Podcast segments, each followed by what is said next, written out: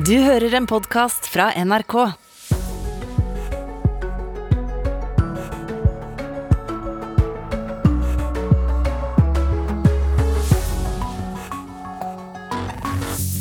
God morgen. Dette er altså Nyhetsmorgen 27.12.2021. Gruer du deg til strømregninga etter jul? Vi opplever jo dyr strøm og høyere renter, og fra nyttår så øker avgiftene sånn at også bensin og diesel blir dyrere. Om noen dager så er det ett år siden leirskredet på Gjerdrum. Hos oss i dag får du høre om Steinar Gundersen som falt ned i kvikkleiregropa. Så våkna jeg på en uh, plankehaug og lurte, lurte hvor jeg var hen.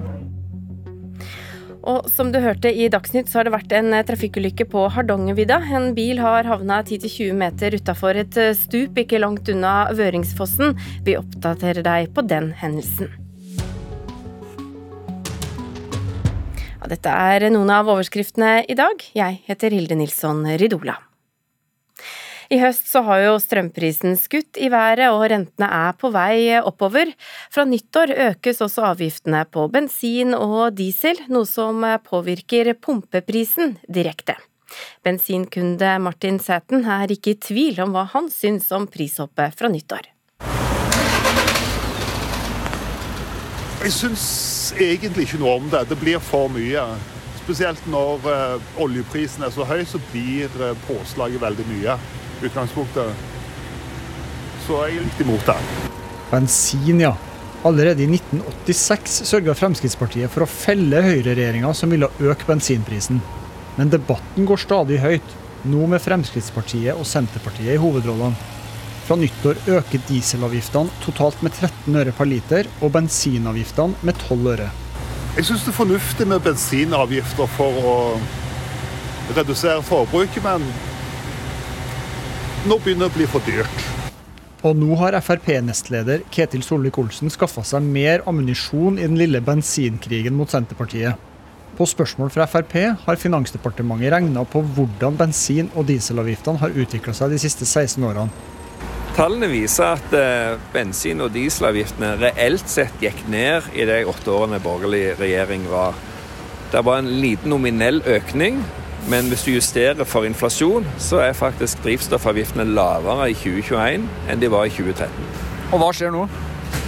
Nå ser vi dessverre at det snur. Nå går avgiftene opp, både nominelt og reelt. Og Solvik-Olsen har følgende beskjed til Senterpartiet, som nå sitter i regjering.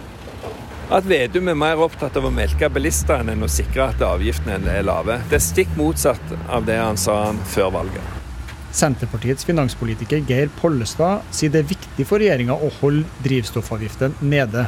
Men det blir en bitte liten eh, eh, men det kompenserer vi med å ta ned en del andre avgifter knytta til, til, bruk av, eh, av, bil. Melker dere bilistene?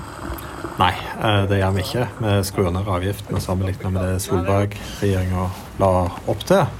Eh, dette er en eh, lavere økning enn det som var enkelte år når Frp satt i regjering. I sitt siste budsjett før høstens regjeringsskifte økte Erna Solberg CO2-avgifta kraftig, uten å kompensere bilistene med andre lettelser. Det kunne ikke den nye regjeringa være med på. Ap, Sp og SV ble derfor enige om å kompensere bilistene for rundt 65% av avgiftsøkninga. Det er nok Martin Sæten og mange andre bilister glad for. Vi er nødt til å omstille oss og få ned forbruk av fossilt brensel. Så i prinsippet så er jeg for, men akkurat nå med høy oljepris og høy bensinpris i utgangspunktet, så blir det veldig mye. Reporter i denne saken var Christian Skårdalsmo. Nå skal vi til situasjonen på grensa mellom Ukraina og Russland. Første juledag så opplyste Russland at mer enn 10 000 soldater har avslutta en månedslang militærøvelse nær grensa til Ukraina, og en russisk styrkeoppbygging har skapt uro for Vesten og Nato de siste ukene. I romjula meldte også flere nyhetsbyråer at det kan bli et møte i Nato-Russland-rådet på nyåret. Tor Bukkvold, seniorforsker ved Forsvarets forskningsinstitutt, velkommen til Nyhetsmorgen. Russland har store styrker eh, på grensa eh, mot Ukraina. Hvor spent er situasjonen, vil du si? Den er spent. Eh, mer spent enn den har vært på ganske lenge. vil jeg si. Men kanskje ikke først og fremst på grunn, eller i hvert fall ikke bare på grunn av de styrkene. Jeg tror ikke den er spent i den forstand at, at det er fare for krig helt umiddelbart de neste dagene. eller sånt. Men spenninga ligger mer på det at Russland har gått veldig høyt på banen med, med veldig klare krav til USA og til Nato krav som de til dels tror jeg sjøl må vite at de sannsynligvis ikke får innfridd. Men i hvert fall så er det stor sjanse ut på nyåret, når det er etter forhandlinger, at Russland kommer til å gå ut av de forhandlingene ganske skuffa. Eh, og De har jo da selv sagt at hvis de gjør det, så må de ta mer radikale skritt. Militære og militærtekniske, som de sier. Vi vet ikke hva det består i, men når du først har trua med noe sånt, så, så er det jo vanskelig å ikke gjøre et eller annet hvis du kommer i den situasjonen at uh, truslene ikke betaler seg i første omgang. Men hva handler denne konflikten egentlig om? Den handler om flere ting. Den handler, Kravet var jo veldig bred, men den handler kunne si, grovt om to områder. Det ene er at Nato ikke skal utvides lenger østover, og at vestlig militær infrastruktur ikke skal flytte ned, flyttes nærmere Russland sine grenser. Og Det andre er en del raketter som Nato og USA har utplassert i en del østeuropeiske land for å hindre atomangrep bl.a. fra Iran, hvis Iran skulle få atomvåpen, men som da Russland mener er retta mot dem sjøl, mot den russiske kjernefysiske anslagsevnen, men òg at man, Nato kan putte konvensjonelle rakettene i de utskytingsrampene og så skjøte dem på mål i Russland. Men er det, hva er muligheten for å, for å løse denne konflikten, da? Ja, den, For å løse den helt, så, så, tror jeg man må ha veldig lang tid. og Jeg tror ikke det vil være mulig å komme ut fra den situasjonen her der begge parter er fornøyd på noe vis. Men man kan kanskje tenke seg at det er noe mer rom for kompromiss på det her med rakettene enn det på det med Nato-medlemskap. At Nato skulle gå ut og si, gi garantier for hvem som blir medlem og ikke blir medlem i framtida er vanskelig å se for seg. Det vil være å gi Russland en, en vetomakt til hvem som skal bli medlem i Nato. Men man kan kanskje tenke seg at det på, på det her med raketter finnes noe mer rom for kompromiss. Men det, dette med å da um, sette disse politiske, sikkerhetspolitiske kravene til Nato så høyt, hva, hva oppnår Russland? Jeg tror nok det er til dels da et forhandlingsutspill, altså å, å skremme. Jeg tror tenker, Russland tenker sånn at vi har prøvd på alle mulige vis å få Vesten til å høre på oss. Eh, det har ikke gått. Nå må vi ta i så hardt at de faktisk hører etter. Så Jeg tror de tenker rett og slett at når vi går så høyt på banen, når vi stiller opp til styrkene på grensa langs Ukraina, da må de skjønne at det her er alvor, og så er det sjanse for at da Vesten går lenger i, sine, i å, å, komme oss i møte enn de ellers ville gjort. Men hvis du da ser litt inn i neste år, i 2022, hva, hva tror du skjer framover?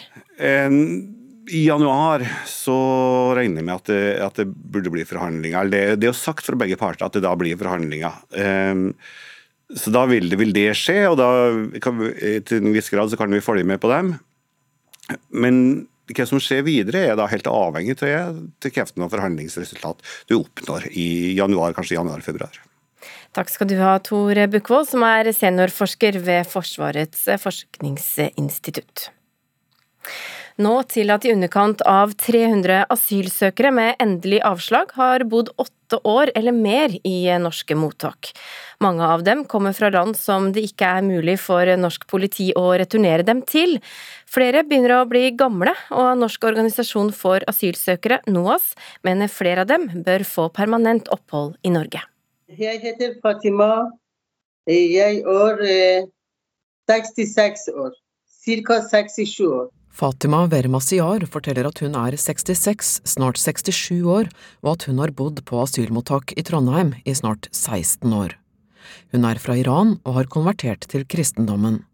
Hun sier hun ikke kan reise tilbake fordi hun frykter overgrep fra sin egen familie.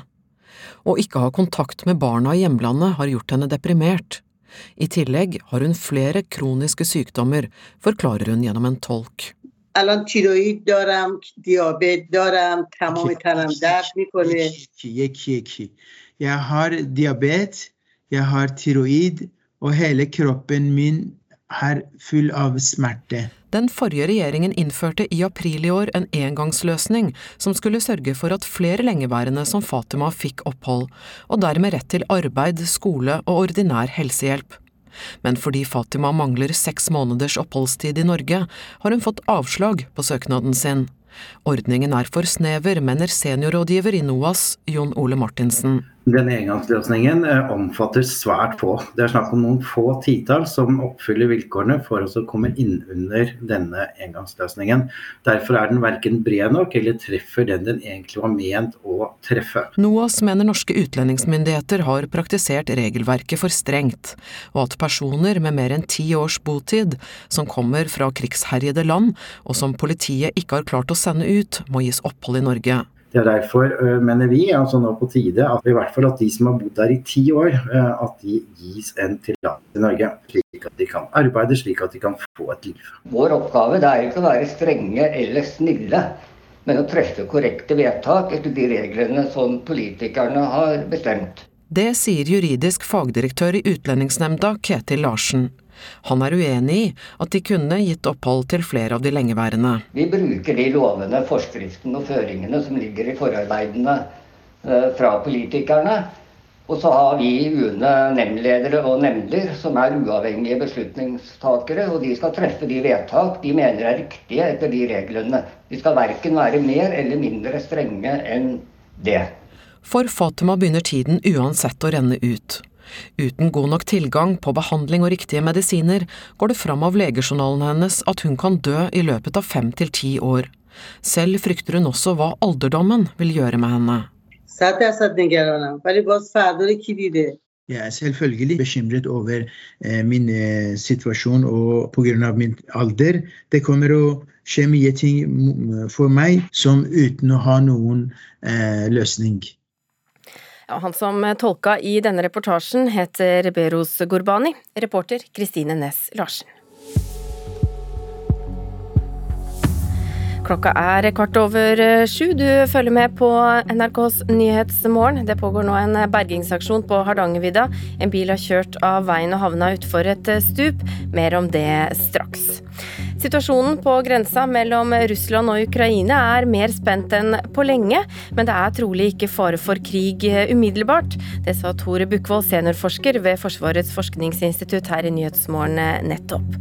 Og Tyskland opplever en kraftig økning i vold i hjemmet under tida med nedstenginger pga. pandemien. Ja, det har altså vært en trafikkulykke på Hardangervidda i dag tidlig. En bil har kjørt av veien og havna utfor et 10-20 meter høyt stup. Reporter Marit Sire Meikre, hva vet du om det som har skjedd? Det vi vet er at nødetatene fikk melding om ulykken rundt 5.30 i morges. Det skal være en bil som altså har havnet 10-20 meter under et stup rundt 100 meter fra veibanen. Vi kan høre hva vaktkommandør Helge Lund hos brannvesenets 110-sentral forteller. Nei, Vi hadde jo melding inn her nå 5.22, og nå som sagt som du nevnte, så er samtlige nødetater på stedet der nå.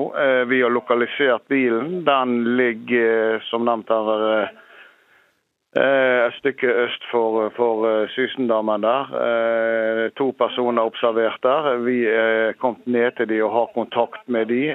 Og nå jobber vi med å få de opp fra, fra bilen der. Litt kupert terreng. Vi har òg luftambulanse på stedet der. Og Sea Queen fra Stavanger er òg på tur opp for eventuell bistand. Vet man hvor skada de som er i bilen er? Vi vet ikke noe om tilstanden, forteller Lund, men de har altså hatt kontakt med de to i bilen. Vi skal høre hva han sier. Nei, skadeomfanget kjenner jeg ikke til, så, men de skal muligens være oppegående. Vi har hatt kontakt med de der nede, så det er det vi vet så langt. Men Marit, hvordan er det å få folk opp fra stupet? Det vi vet er at et redningshelikopter er sendt til stedet som vi hører, og nødetatene arbeider med å sikre bilen så den ikke faller videre i terrenget. Vi skal høre hva Lund sier om det. Ja, Det er jo derfor eh, nå vi har en luftambulanse der, og vi har i tillegg tatt uh, Sea Queen uh, opp som er rekvirert av politiet HRS, for å eventuelt om de må ta det med underheng. Så Det får vi se. Vi jobber nå på stedet, men vi har iallfall den tilgangen når de kommer inn i området. der. Ja, Det sa altså, eh, sa altså eh, eh brannvesenets 110-sentral eh, Helge Lund, vaktkommandør der. Eh, Marit Sirmeikere, takk for den orienteringa, og vi følger, vi følger saken videre utover morgenen. Uketrenden for koronasmitte fortsetter å synke i Norge. Det siste døgnet er det registrert 2214 koronasmitta. Det er 808 færre enn samme dag forrige uke. Men samtidig med at det er en synkende smittetrend, så øker antall innleggelser. 307 koronapasienter var i går innlagt på sykehus, og det var 24 flere enn dagen før. Så til Tyskland, som altså opplever en kraftig økning i vold i hjemmet under tida med nedstenginger pga. pandemien. Den frivillige organisasjonen Weiser Ring, som jobber eh, og driver en hjelpetelefon, slår nå alarm. De melder altså om en dramatisk økning i henvendelser, og sier at 80% av dem som ringer og ber om hjelp, er kvinner. Reporter eh, Dag Bredvei, hvor stor er økninga i telefonen med rop om hjelp nå i forhold til tida før koronapandemien? Ja, det er oppsiktsvekkende høyt. Det er flere enn fem ganger så mange som har ringt. Weiser Ring, som du refererte til, det er en hjelpeorganisasjon som har spesialisert seg på å hjelpe folk som har problemer. Og de fikk altså 4000 eh, telefoner da i 2019, året før pandemien. Mens det tallet økte til 22 000 det første året. Og tallene for i år regner de med er høyere enn det igjen. Hvem er det som ringer og ber om hjelp, da? Det er barn, eh, jenter og gutter, det er også menn, men 80% er kvinner. Og det som også er oppsiktsvekkende, er at mange kvinner ringer ikke i det hele tatt. Så antallet ville vært antagelig mye høyere, fordi det er veldig mange kvinner som vegrer seg for å ringe. Deutsche Welle skriver det at det er flere årsaker til det, men det er som regel vold som de er eh, utsatt for, som partner eller ekspartnere står bak. og De tør ikke ringe pga. frykt for represalier. Eller ja, de føler at de fører en slags skam over familien. Og så er det også en slags ubegrunnet skyldfølelse som gjør at mange kvinner ikke ringer. Og Politiet i Tyskland bekrefter også økende vold i hjemmet? Ja, det gjør de. Det var jo oppsiktsvekkende. Altså, I 2020 fikk de 150 1000 henvendelser, eh, telefoner og rapporter om vold i hjemmet. Og De sier at eh, økningen økte med 15% fra før pandemien. Men de har ikke tallene for eh, dette siste året, men de også regner med en økning der. Så har du vært litt inne på det. Tyske nettstedet Deutsche Welle har altså hatt flere artikler om vold i hjemmet, og spesielt mot kvinner i hjemmet. Hva er de mest oppsiktsvekkende funnene der? Jeg synes jo de mest oppsiktsvekkende funnene i et land som Tyskland er eh, disse statistikkene. Eh, Deutsche Welle skriver eh, og bruker politiet som kilde at hvert femte minutt så utsettes en tysk kvinne for trusler. En kvinne hver dag blir truet på livet og forsøkt drept. Og hver eh, to og en halv dag så blir forsøk på drap fører til, til et drap. Så statistikkene der er voldsomme. Det jeg syns også er oppsiktsvekkende, det er jo at det, det er jo hjemmet alle skal føle seg mest trygge, ikke sant? Og eh, vold i hjemmet og, og vold mot kvinner, det er som regel skjer i hjemmet. Det er soverommet, det er stue, det er på kjøkken. Men den psykiske volden skjer også i familieselskaper, skriver Deutsche Welle. Men denne statistikken og økninga, eh, er det enestående for Tyskland? Nei, og det, det, er det ikke. Og FN sier at på, på verdensbasis så blir én av tre kvinner utsatt for vold under eh, pandemien, og det er som regel partner eller ekspartner som står bak. Og mye av volden skjer innenfor husets fire vegger. Takk skal du ha, reporter Dag Bredvei. Torsdag så er det ett år siden skredkatastrofen i Gjerdrum, der ti mennesker døde. Og dødstallet kunne vært høyere hvis det ikke var for at skredofre fant hverandre og hjalp hverandre. Steinar Gundersen han falt ned i kvikkleiregropa da boligene raste. Da satt den omtåka, skadd og kald inntil en bilfører kom forbi. Så våkna jeg på en eh, plankehaug og lurte, lurte hvor jeg var hen. Her kunne historien ha endt for 75-åringen, hvis det ikke var for en sambygding som kom i bil. Plutselig så er det null sikt, og dessverre heller ikke noe vei, så jeg tipper utfor kanten der og detter 7-8 meter rett ned i leirehaugen. Og treffer med panseret først og tipper over på taket. Sier Jan Tore Bariås. Nede i den våte og iskalde kvikkleira finner Jan Tore etter hvert Steinar og får gitt ham jakka si. Han eh, sitter lettere sjokkskada i T-skjorte og barbeint. Og begynner å bli ganske kald. Hadde vel ikke hatt så godt av å være der så veldig mye lenger, skal jeg være helt ærlig. Med flytende kvikkleire på alle kanter må de unngå å trå feil. Vi, vi må hele tida føle oss fram. Eh, hvor er det fornuftig å gå? Og jeg tenkte etter hvert som jeg skjønte at Steinar var i litt dårlig forfatning, så tenkte jeg vi må finne oss et, eh, et sted her som er hardt og trygt, og så må vi holde oss der til, til redningshelikopteret finner oss. Ja, det, det, var to til høyre for oss som ringa. Vi har noen venstre her. 15 personer ble berget opp fra leirmassene. Jeg har aldri vært så glad når jeg er heist opp i helikopter. Ære være helikopterturen. Det er den fineste turen jeg har hatt, men det er den korteste òg. Men eh, den passa veldig greit, dere, da. Og historien deres gjør inntrykk. Å finne hverandre i en sånn eh, ja, dødsskyggens dal, rett og slett. Og så gå, eh, gå sammen og få støtte hverandre. Det er utrolig flott da, at de klarte å hjelpe hverandre. Ja, Det sa til sist diakon i Gjerdrum Åshild Stordrange Storheim. Reporter, det var Dag Åsdalen.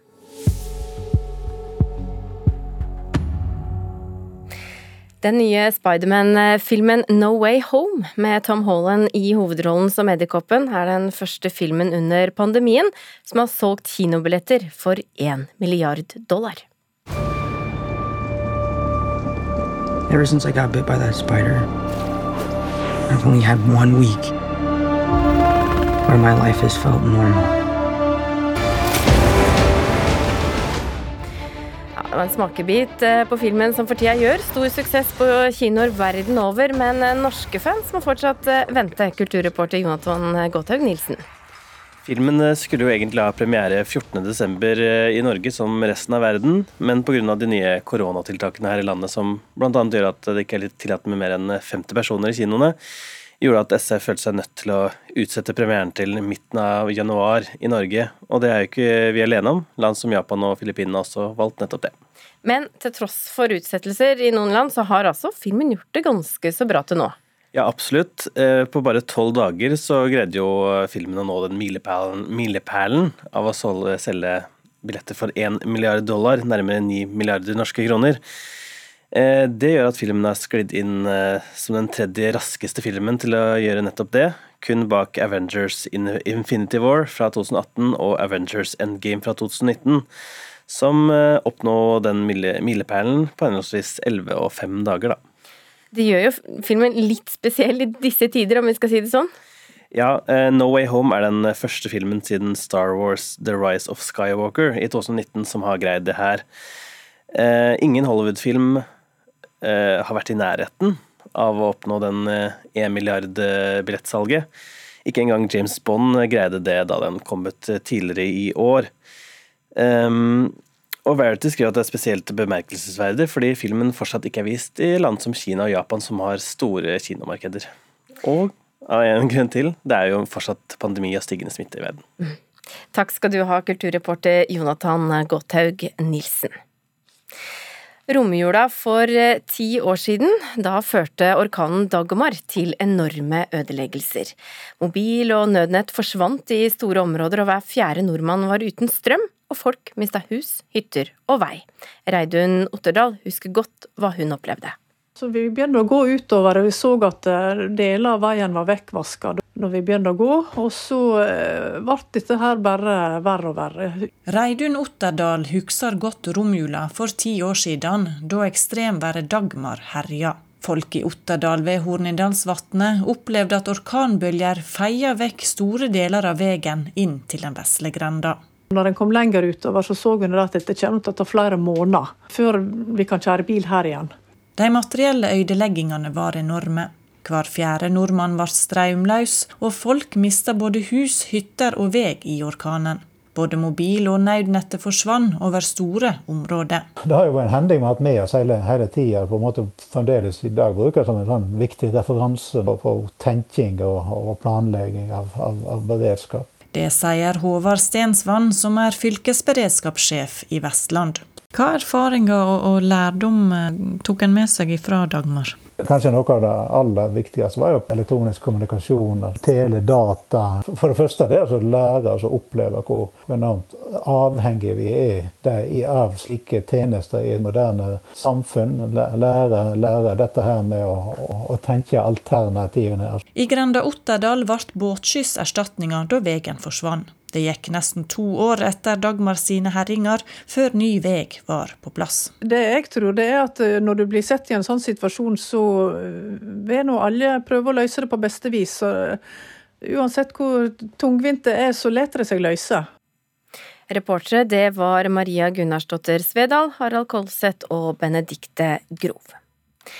Det er om litt klart for Dagsnytt 7.30, og etter det så skal vi høre om at sist vinter så døde ni mennesker i snøskred i eh, Norge. Og det å redde skredtatte, det er en kamp eh, mot tida. Og etter Dagsnytt altså, så blir det mer en oppfinnelse som kan redde liv. Så har det kommet en melding her på morgenen at kanelboller og lussekatter kan få EU-beskyttelse neste år, hvis svenske myndigheter får det som eh, de vil. Det får vi sikkert oppdatering på før eh, Lucia-dagen neste år.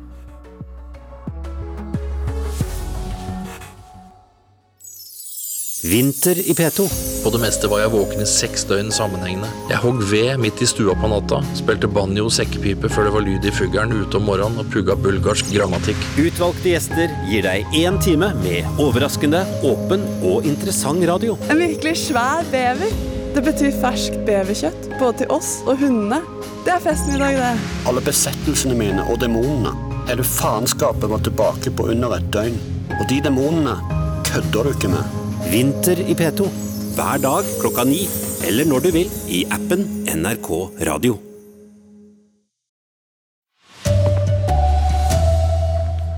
En bil har havnet utfor et stup ved Vøringsfossen. Redningsaksjonen pågår. Strømmen er dyr, og rentene øker. Fra nyttår så blir også bensinen dyrere. LED-lys kan også ta fyr, advarer brannvesenet. De ser koselige ut og fungerer bra, men slå det av når man eh, sover og når man forlater huset. God morgen, her er eh, NRK Dagsnytt, klokka er 7.30. Ja, det har altså vært en trafikkulykke på Hardangervidda, på rv. 7 like ved Vøringsfossen. En bil har havnet 10-20 meter utfor et stup, og reporter Marit Sirum Eikre, hva vet du om det som har skjedd? I, det vi vet er at uh, akkurat nå så kommer det meldinger uh, om at luftambulansen som er på stedet faktisk har hentet ut to mennesker som var i bilen, som altså havnet utfor et stup. Og de to de blir nå fraktet til sykehus på Voss. Hva var det som skjedde egentlig? Vi vet at det er forbipasserende som meldte fra om ulykken til nødetatene. Ifølge politiet kom det melding til nødetatene litt før klokken 5.30. De sendte da et redningshelikopter til stedet, og nødetatene de arbeidet med å sikre bilen så den ikke skulle falle videre i terrenget. Og nå har de altså reddet ut to personer som var i bilen. Hva vet man om skadeomfanget? Det vi vet at de to i bilen skal være våkne og bevisst. Vi vet ikke noe om skadeomfanget, men, og det er det operasjonsleder Erik Loftsnes som sier til NRK. Hva skjer på stedet nå? Vi har ikke de siste opplysningene, men vi vet altså at det er sendt et redningshelikopter dit. Og de har sagt tidligere i morges at bilen ikke ligger trygt i terrenget, at det blir jobbet med å sikre den så den ikke faller videre nedover i terrenget.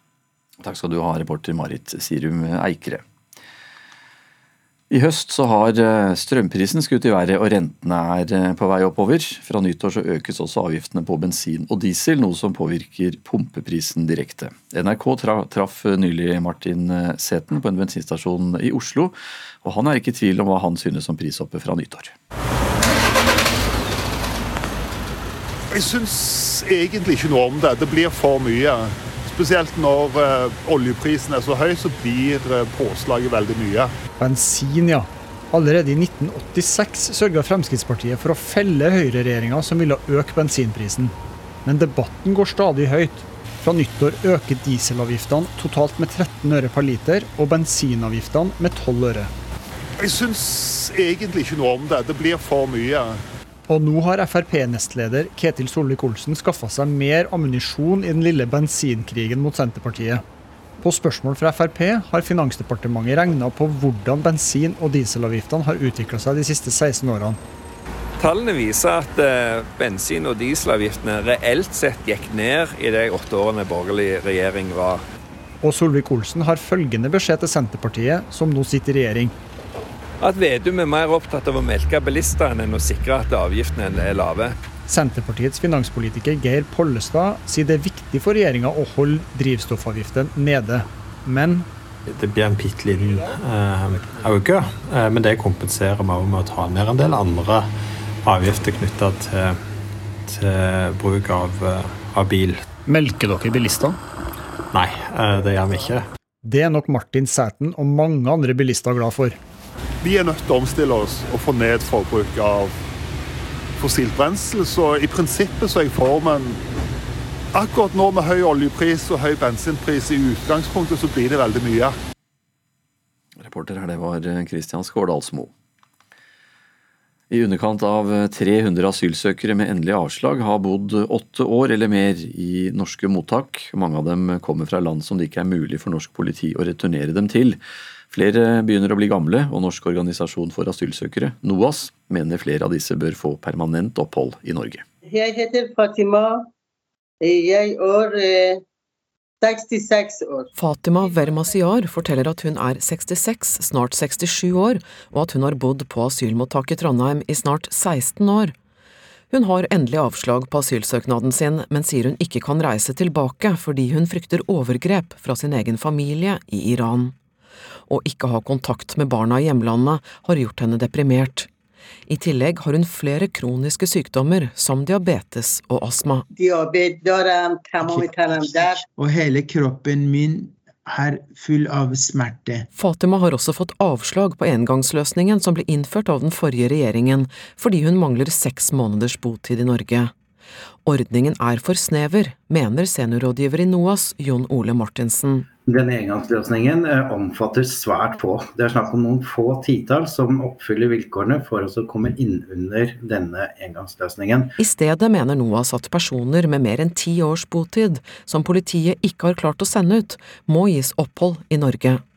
Selv om de fleste så langt har fått avslag, vil flere få opphold gjennom engangsløsningen når sakene er ferdig behandlet, sier juridisk fagdirektør i Utlendingsnemnda, Ketil Larsen. Og når flertallet har fått avslag av de vi har behandlet hittil, så er grunnen at vi har valgt ut de sakene hvor vi så at eh, vilkårene ikke var oppfylt. Så Derfor regner vi med at antall tillatelser vil øke når vi tar eh, resten av sakene. Reporter her, Kristine Næss Larsen. Folk må være klar over at LED-lys også kan ta fyr. Det sier brannsjef i Skien, Ove Stokkeland. Da Tove Steinmoen var på hytta, så tok et batteridrevet kubbelys fyr i leiligheten hennes. Støv, skitt, sot, og det kom av at røyken, svarte røyken sto innifra ut. Og hele leiligheten er jo blitt sota ned. En årvåken nabo så åpne flammer gjennom vinduet og kontakta brannvesenet, som var på plass etter kort tid. Små marginer gjorde at leiligheten ikke ble overtent. Kubbelys med batteri er, en, er jo en veldig fin erstatning for, for, levende lys. De ser koselige ut og fungerer bra. Men det kan være produktfeil, og det kan også skje ting med, med de som er batteridrevne som, som, kan generere varme.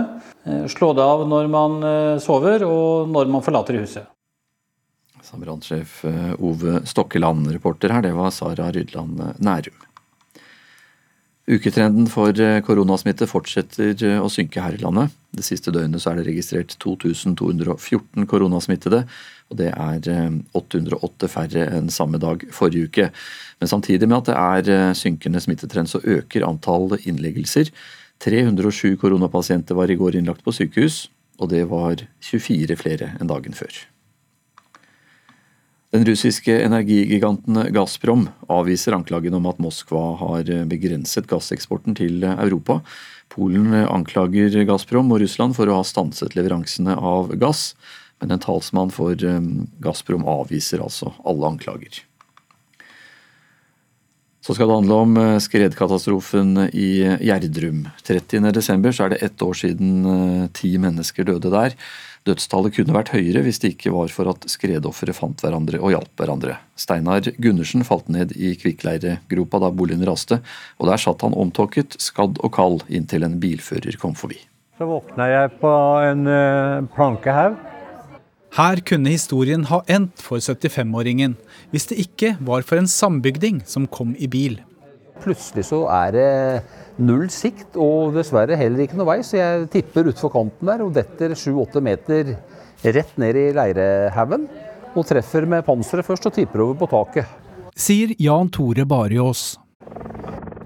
Nede i den våte og iskalde kvikkleira finner Jan Tore etter hvert Steinar og får gitt ham jakka si.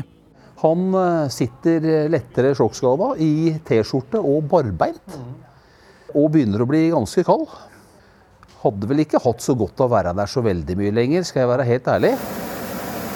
Med flytende kvikkleire på alle kanter må de unngå å trå feil. Vi, vi må hele tida føle oss fram. Eh, hvor er det fornuftig å gå?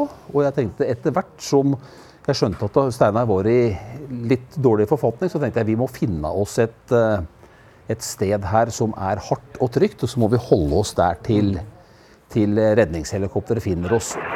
Ja, det, det, var to til høyre for oss som ringa. Vi har noen venstre. 15 personer ble berget opp fra leirmassene. Elleve mennesker omkom. Men jeg har aldri vært så glad når man er heisa opp i helikopter. Ære være helikopterturen. Det er den fineste turen jeg har hatt, men det er den korteste òg. Men den passa veldig greit, dere, da. Reporter her, det var Dag Åsdalen. Kanelboller og lusekatter kan få EU-beskyttelse neste år, hvis svenske myndigheter får det som de vil. I tillegg så søker Sverige om beskyttelse for svensk tjukkmelk. Svenskene vil beskytte kanelbollene, lussekattene og tjukkmelka for å sikre at oppskriften ikke kan endres, eller produksjonen flyttes til et annet land. Erlend Rønneberg har ansvaret for NRK Dagsnytt i dag. Jeg heter Anders Borgen Werring.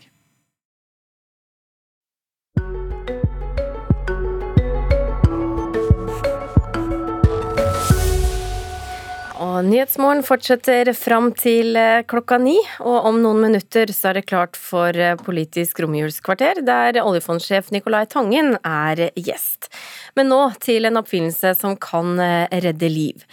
Sist vinter så døde ni mennesker i snøskred i Norge, og det å redde ut skredtatte, det er en kamp mot tida. Tre kamerater som møttes på ingeniørstudiet i Bergen, har nå utvikla et produkt til bruk i skredfarlige områder, som skal gjøre det mulig å kunne puste i 90 minutter under snøen. Dette er lyden av to personer som ble tatt av et snøskred. Heldigvis gikk det bra med disse to. For når en først havna under snøen, er sjansene for å overleve ikke så store. Derfor så kjører jo vi rundt hele vinteren med utstyr i bilen og rykker ut direkte hvis noe skjer. Men allikevel så, så bruker vi ofte lengre tid enn at det er sånn kjempestort hopp. Giljar Groven er fagleder i Øvre Buskerud Røde Kors si skredgruppe. Det er de som rykker ut når skredalarmen går, og det skjer hvor eneste vinter. De fleste som mister livet i snøskred, dør av at det blir for lite oksygen og for mye CO2 der de puster. Sjansen for å overleve lenger enn en halvtime er liten. Dette begynte tre kamerater fra ingeniørstudiet i Bergen å gruble over. Vi ønsker å forlenge levetiden til den som ligger under snøen, sånn at det blir større sjanse for de som leter etter vedkommende og skal grave den opp, å finne vedkommende i live. Tor Berge fikk med seg Sigmund Andreassen og André Mjølhus, og i fem år har de jobba med å utvikle et system som skal suge oksygen ut av snøen og transportere det framom ansiktet til den som ligger under snømassene. Når du ligger under snøen og puster, så vil du bruke opp oksygenet ditt, og du vil mette luften med CO2. Og Dette systemet da trekker da frisk luft fra snøen bak ryggen og presser ut her, så vi strømmer gjennom det området du puster. Sånn at du hele tiden får tilført litt ekstra frisk luft, som også fjerner CO2. Systemet er integrert i en liten ryggsekk, og må aktiveres ved å dra i en hendel på ene skulderstroppen. Hele 18 millioner har de brukt på å utvikle systemet, med støtte både fra Forsvaret, Innovasjon Norge og private investorer. Gründerne har lagt stor vekt på å rådføre seg med fagfolk. Vi har fått uh, mye god hjelp, ikke bare gjennom Forsvaret, men også gjennom andre miljøer som har forsket på problemstillinger som vi har hatt, og hjulpet oss direkte med sin kunnskap og sin spesialkompetanse. Men de har jo ikke fått testa det i virkeligheten. Vi har gjort konseptuelle tester, uh, og så er det brukt mye tekniske tester med dukker som er begravd ned i snøen. Man fører CO2 ut, man ser på gasskomposisjonen eh, rundt i snøen og hvordan den endrer seg med bruk av systemet og ikke bruk av systemet. Og Samlet sett med de hundretalls testene som er gjort, så klarer man å danne seg et bilde på hva som faktisk vil være effekten av systemet. På Røde Kors-huset på Geilo får Giljar Groven og Arild Sjåstad demonstrert systemet som skal kunne gi nok luft til en skredtatt i en og en Jeg har en litt sånn kanskje sunn skepsis til det.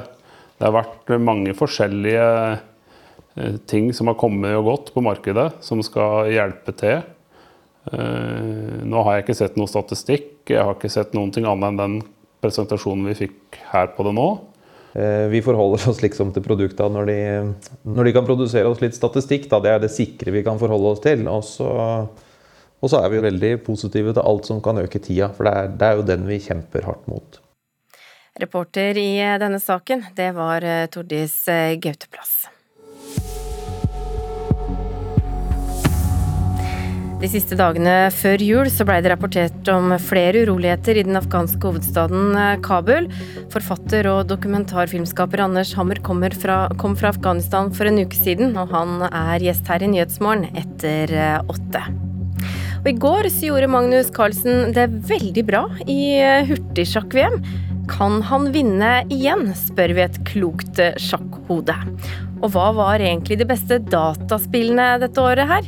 NRKs spillkritiker kommer og forteller. I dagens politiske romjulskvarter møter vi oljefondsjef Nicolai Tangen. Opptaket ble gjort samme dag som søkelista til ny sentralbanksjef og dermed sjefen til Tangen ble kjent. Programleder er Ingunn Solheim.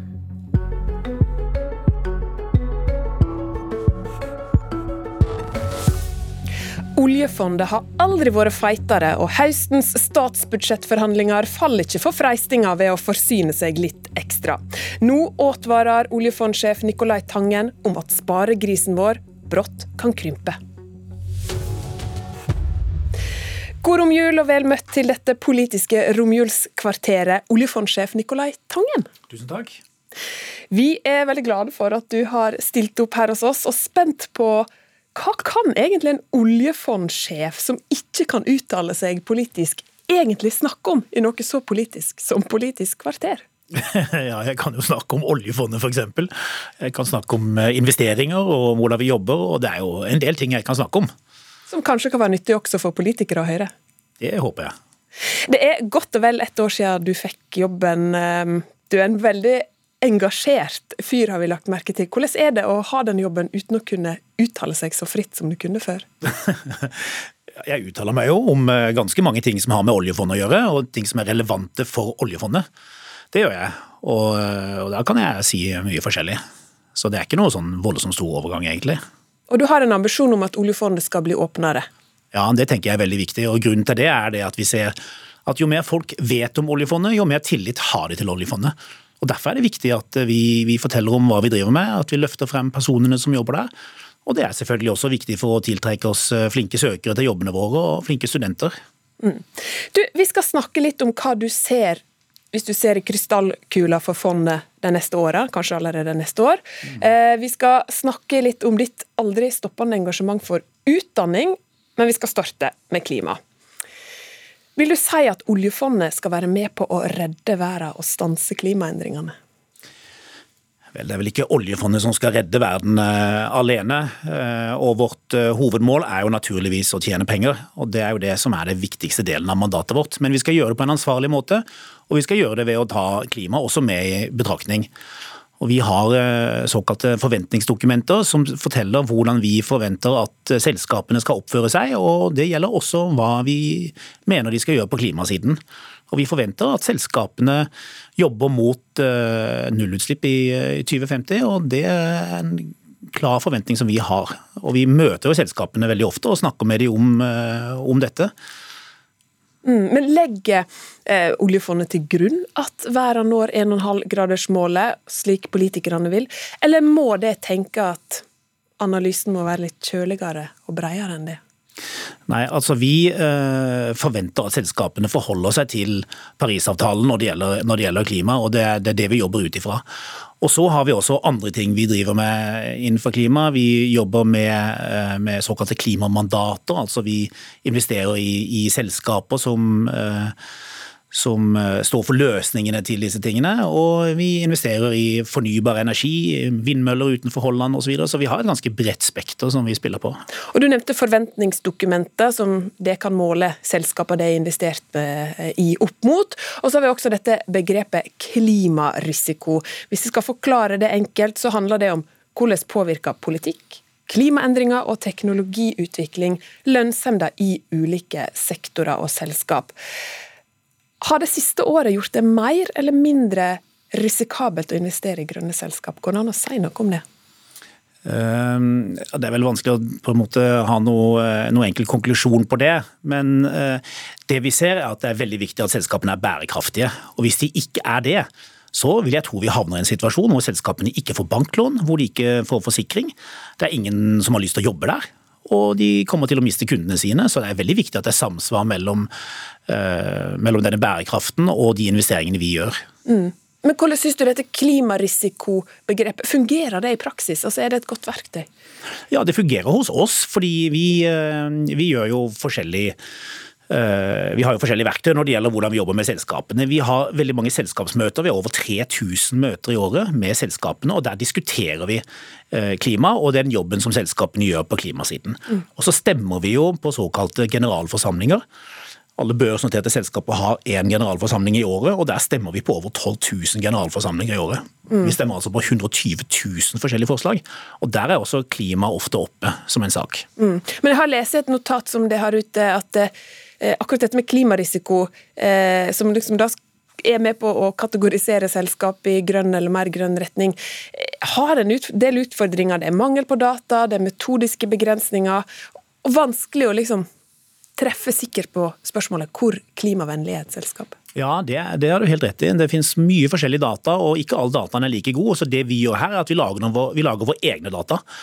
Og, ehm, så vi har eh, en stor gruppe mennesker som holder på med dette. De ser på hvordan kan vi måle forskjellige typer utslipp, hvordan kan vi eh, måle hva selskapene driver med, og så kjører vi liksom hele porteføljen gjennom disse databasene og, og disse, disse, verktøyene vi har da, for å se om hva, eh, hva, vi finner ut. Så der er vi nok helt i verdenstoppen når det gjelder å utvikle den type teknologi. Akkurat. Hvorfor ja. det? Hva? Hvordan kan du si det? Eh, fordi vi ser hva de andre investorene gjør, og vi tenker at vi er veldig langt fremme her. Mm. Så var det én dag på overtid at alle landene denne høsten klarte å bli enige i eh, Glasgow på klimatoppmøtet eh, om en slutterklæring. Hva vil du si at den eh, nyeste internasjonale klimapolitikken har å si for vårt oljefond? Ja, altså Det som skjedde i Glasgow var jo hovedsakelig eh, regjeringer og politikere som møttes. Men de lager jo et rammeverk som selskapene må forholde seg til. og Derfor er det viktig for oss. For det selskapene gjør har betydning for hvordan investeringene våre eh, utvikler seg. Så derfor er det viktig. Mm. Men har, har det fått noen brå konsekvenser? Det har vel ikke fått noen bråkonsekvens for fondet. Vi har jo jobbet med den type problematikk helt siden 2007. Så vi var jo en av de første investorene i verden som virkelig begynte å ta dette på alvor.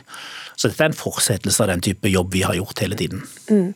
Og Så har det også blitt kjent et år at det kjøpte dere opp i denne havvindparken i Nederland. Ja. Og eh, som det sto, første store fornybarprosjektet til eh, oljefondet, hvis vi kan mm. kalle det det. Likevel, ei virksomhet som er ganske tungt sikra fra statlig hold. Og du har sagt at det er ganske krevende å finne disse gode grønne prosjektene. Eh, hva forteller det oss om hvor langt dette grønne skiftet har kommet? Nei, altså det, det, er jo eh, det er riktig det at det er relativt få prosjekter som er tilgjengelige. Og så er det jo mange som skal inn her. Det er stor konkurranse om den type investeringer. Og det gjør jo at prisen er eh, litt høy. Og Vi må jo også sørge for at vi får fin avkastning på investeringene våre. og Derfor så må vi jo gjøre den avveiningen. da.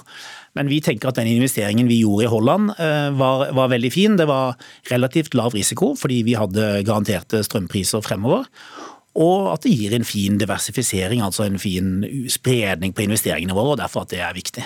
Men også en illustrasjon kanskje på hvor komplekst dette grønne skiftet, det å finne eh, lønnsomme prosjekt, eh, hvor komplekst det er. Ja da, det er en kompleks sak. Du, eh, la oss eh, løfte blikket litt. Eh, vi er i, eh, for så vidt eh, midt i en pandemi. Eh, det har vært relativt euforisk på børsen. mange har tjent gode penger. Samtidig så er det folk som risikerer å miste jobbene sine, tap av inntekter i virksomhetene sine. Og mange peker mer og mer på et delt samfunn. Hva er ditt syn på pandemien og konsekvensene for økonomien framover? Ja, Det er jo et stort spørsmål. men du kan si Oljefondet er jo et generasjonsfond. Skal jo, vi skal jo ivareta verdiene for fremtidige generasjoner, men det er jo også et reservefond. Og Det gjør at vi har kunnet ta oss råd til ting som mange andre land ikke har kunnet gjøre. Og så Det har vært en, en veldig stor verdi å ha i denne krisen. Så har jo eh, pandemien påvirket oss på flere andre måter. Det er klart det har påvirket investeringene. Vi hadde jo en skarp nedgang i fjor, men har hatt en fin Eh, oppgang nå, altså en, en nedgang i fjor i, på våren, som så tok seg opp på, eh, senere på året. Og I år har det jo vært en, en, oppgang, men så har det selvfølgelig implikasjoner for hvordan vi jobber da, som selskap. Vi, jo, vi, jobber mye hjemmefra. Og det er jo en kompleks organisasjon. Vi har noe sånt som 36 millioner transaksjoner i året. Og dette er jo til dels gjort hjemme på kjøkkenbenkene. Så det er eh, mye kudos til de ansatte i oljefondet for at vi, de har kommet gjennom dette så fint. Men du har også sagt, du var inne på det, nå er fondet ja, vet jeg søren jeg, 12 000 millioner stort. Milliarder. Eh, milliarder. Eh, vi må bu oss på at det kan komme nedgang, og den kan komme brått, og den kan være bratt. Hva er det som ligger i den analysen, og hva er det du ser allerede i 2022 som kan tale for at ja, ikke går like bratt oppover. Ja, Hva som skjer i 2022, eh, det, det, vet jo ikke jeg. Men det som jo er et faktum, er at dette fondet har gått opp i 25 år nå. Nesten eh, som en strek. Og når du ser tilbake på finanskrisen, så er det jo liksom bare som en liten dipp i, eh, i den grafen. Og eh, det kommer jo ikke til å fortsette sånn de neste 25 årene. Og grunnen til det er jo at nå er vi i en situasjon hvor rentene er rekordlave, og hvor aksjemarkedet er rekordhøyt. Så herfra og ut så vil det nok se annerledes ut. Og det vi ser spesielt på, er jo øh, prisstigning, eller inflasjon. da. Og Den ser vi jo veldig mange steder, og den fører stort sett til at renten på sikt går opp. og Det er, kan være negativt både for obligasjonsmarkedet og aksjemarkedet samtidig. Og Det er en situasjon vi ikke har sett før. Og Vi har jo heller ikke sett at en sånn nedgang har vart lenge, for historisk sett. De siste 25 årene så har jo de nedgangene vært veldig korte. Så dette kan nok se annerledes ut fremover, og det er derfor vi maner til uh, ja, hva skal jeg si. Eh, det er derfor vi sier at det i fremtiden ikke nødvendigvis blir det samme som historien her. Litt forventningsavklaring til folket? Ja, det er vel egentlig det vi driver med her, ja. Men dette har jo Du har sagt det, din forgjenger har sagt det, altså oljefondsjefer har sagt det før. Det kan gå nedover, og så skjer det jo aldri. Nei, men det skjer jo til slutt, da. Ja. ja. Det føler du deg sikker på? Jeg er helt sikker på at, at, verdiene kommer til å gå nedover en periode. Det, sånn er det jo bare, og det vet jo alle som, som driver med investeringer. Ikke vel? At uh, etter mange gode år så kommer det noe, noen vanskelige år. Det skal man jo være oppmerksom på. Men opplever du at uh, dette trenger vi nordmenn å, å, å, skjønne litt mer? Altså At vi har vært godt vant i så mange år? At det er nok penger å ta av? Ja, men jeg tror egentlig at nordmenn skjønner det, faktisk. Nordmenn har uh, en eh, vidunderlig evne til å tåle litt opp og ned. Mm.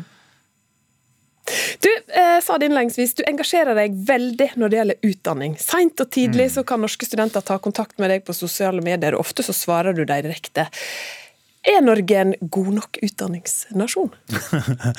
Ja, altså Jeg er veldig opptatt av utdannelse, og det har jeg egentlig alltid vært. Jeg har jo eh, utdannet meg litt selv også, men, men og holdt på med dette i en stiftelse jeg hadde, som jo holdt mye på med å forstå utdannelse og sånn.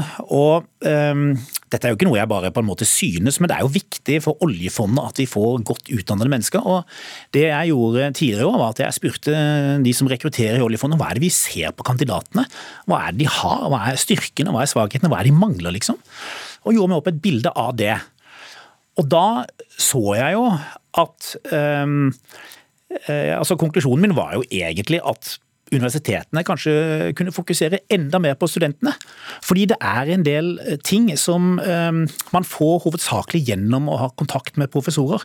Og det er motstandsdyktighet, det er evnen til kritisk tenking. Det er mange av disse viktige tingene som, uh, som man får på den måten. Det er det ene. Og det andre er jo at det er jo ikke alle studenter som er like heldige og privilegerte, og som har foreldre som kan gi de gode råd om utdannelse og veien videre og sånn.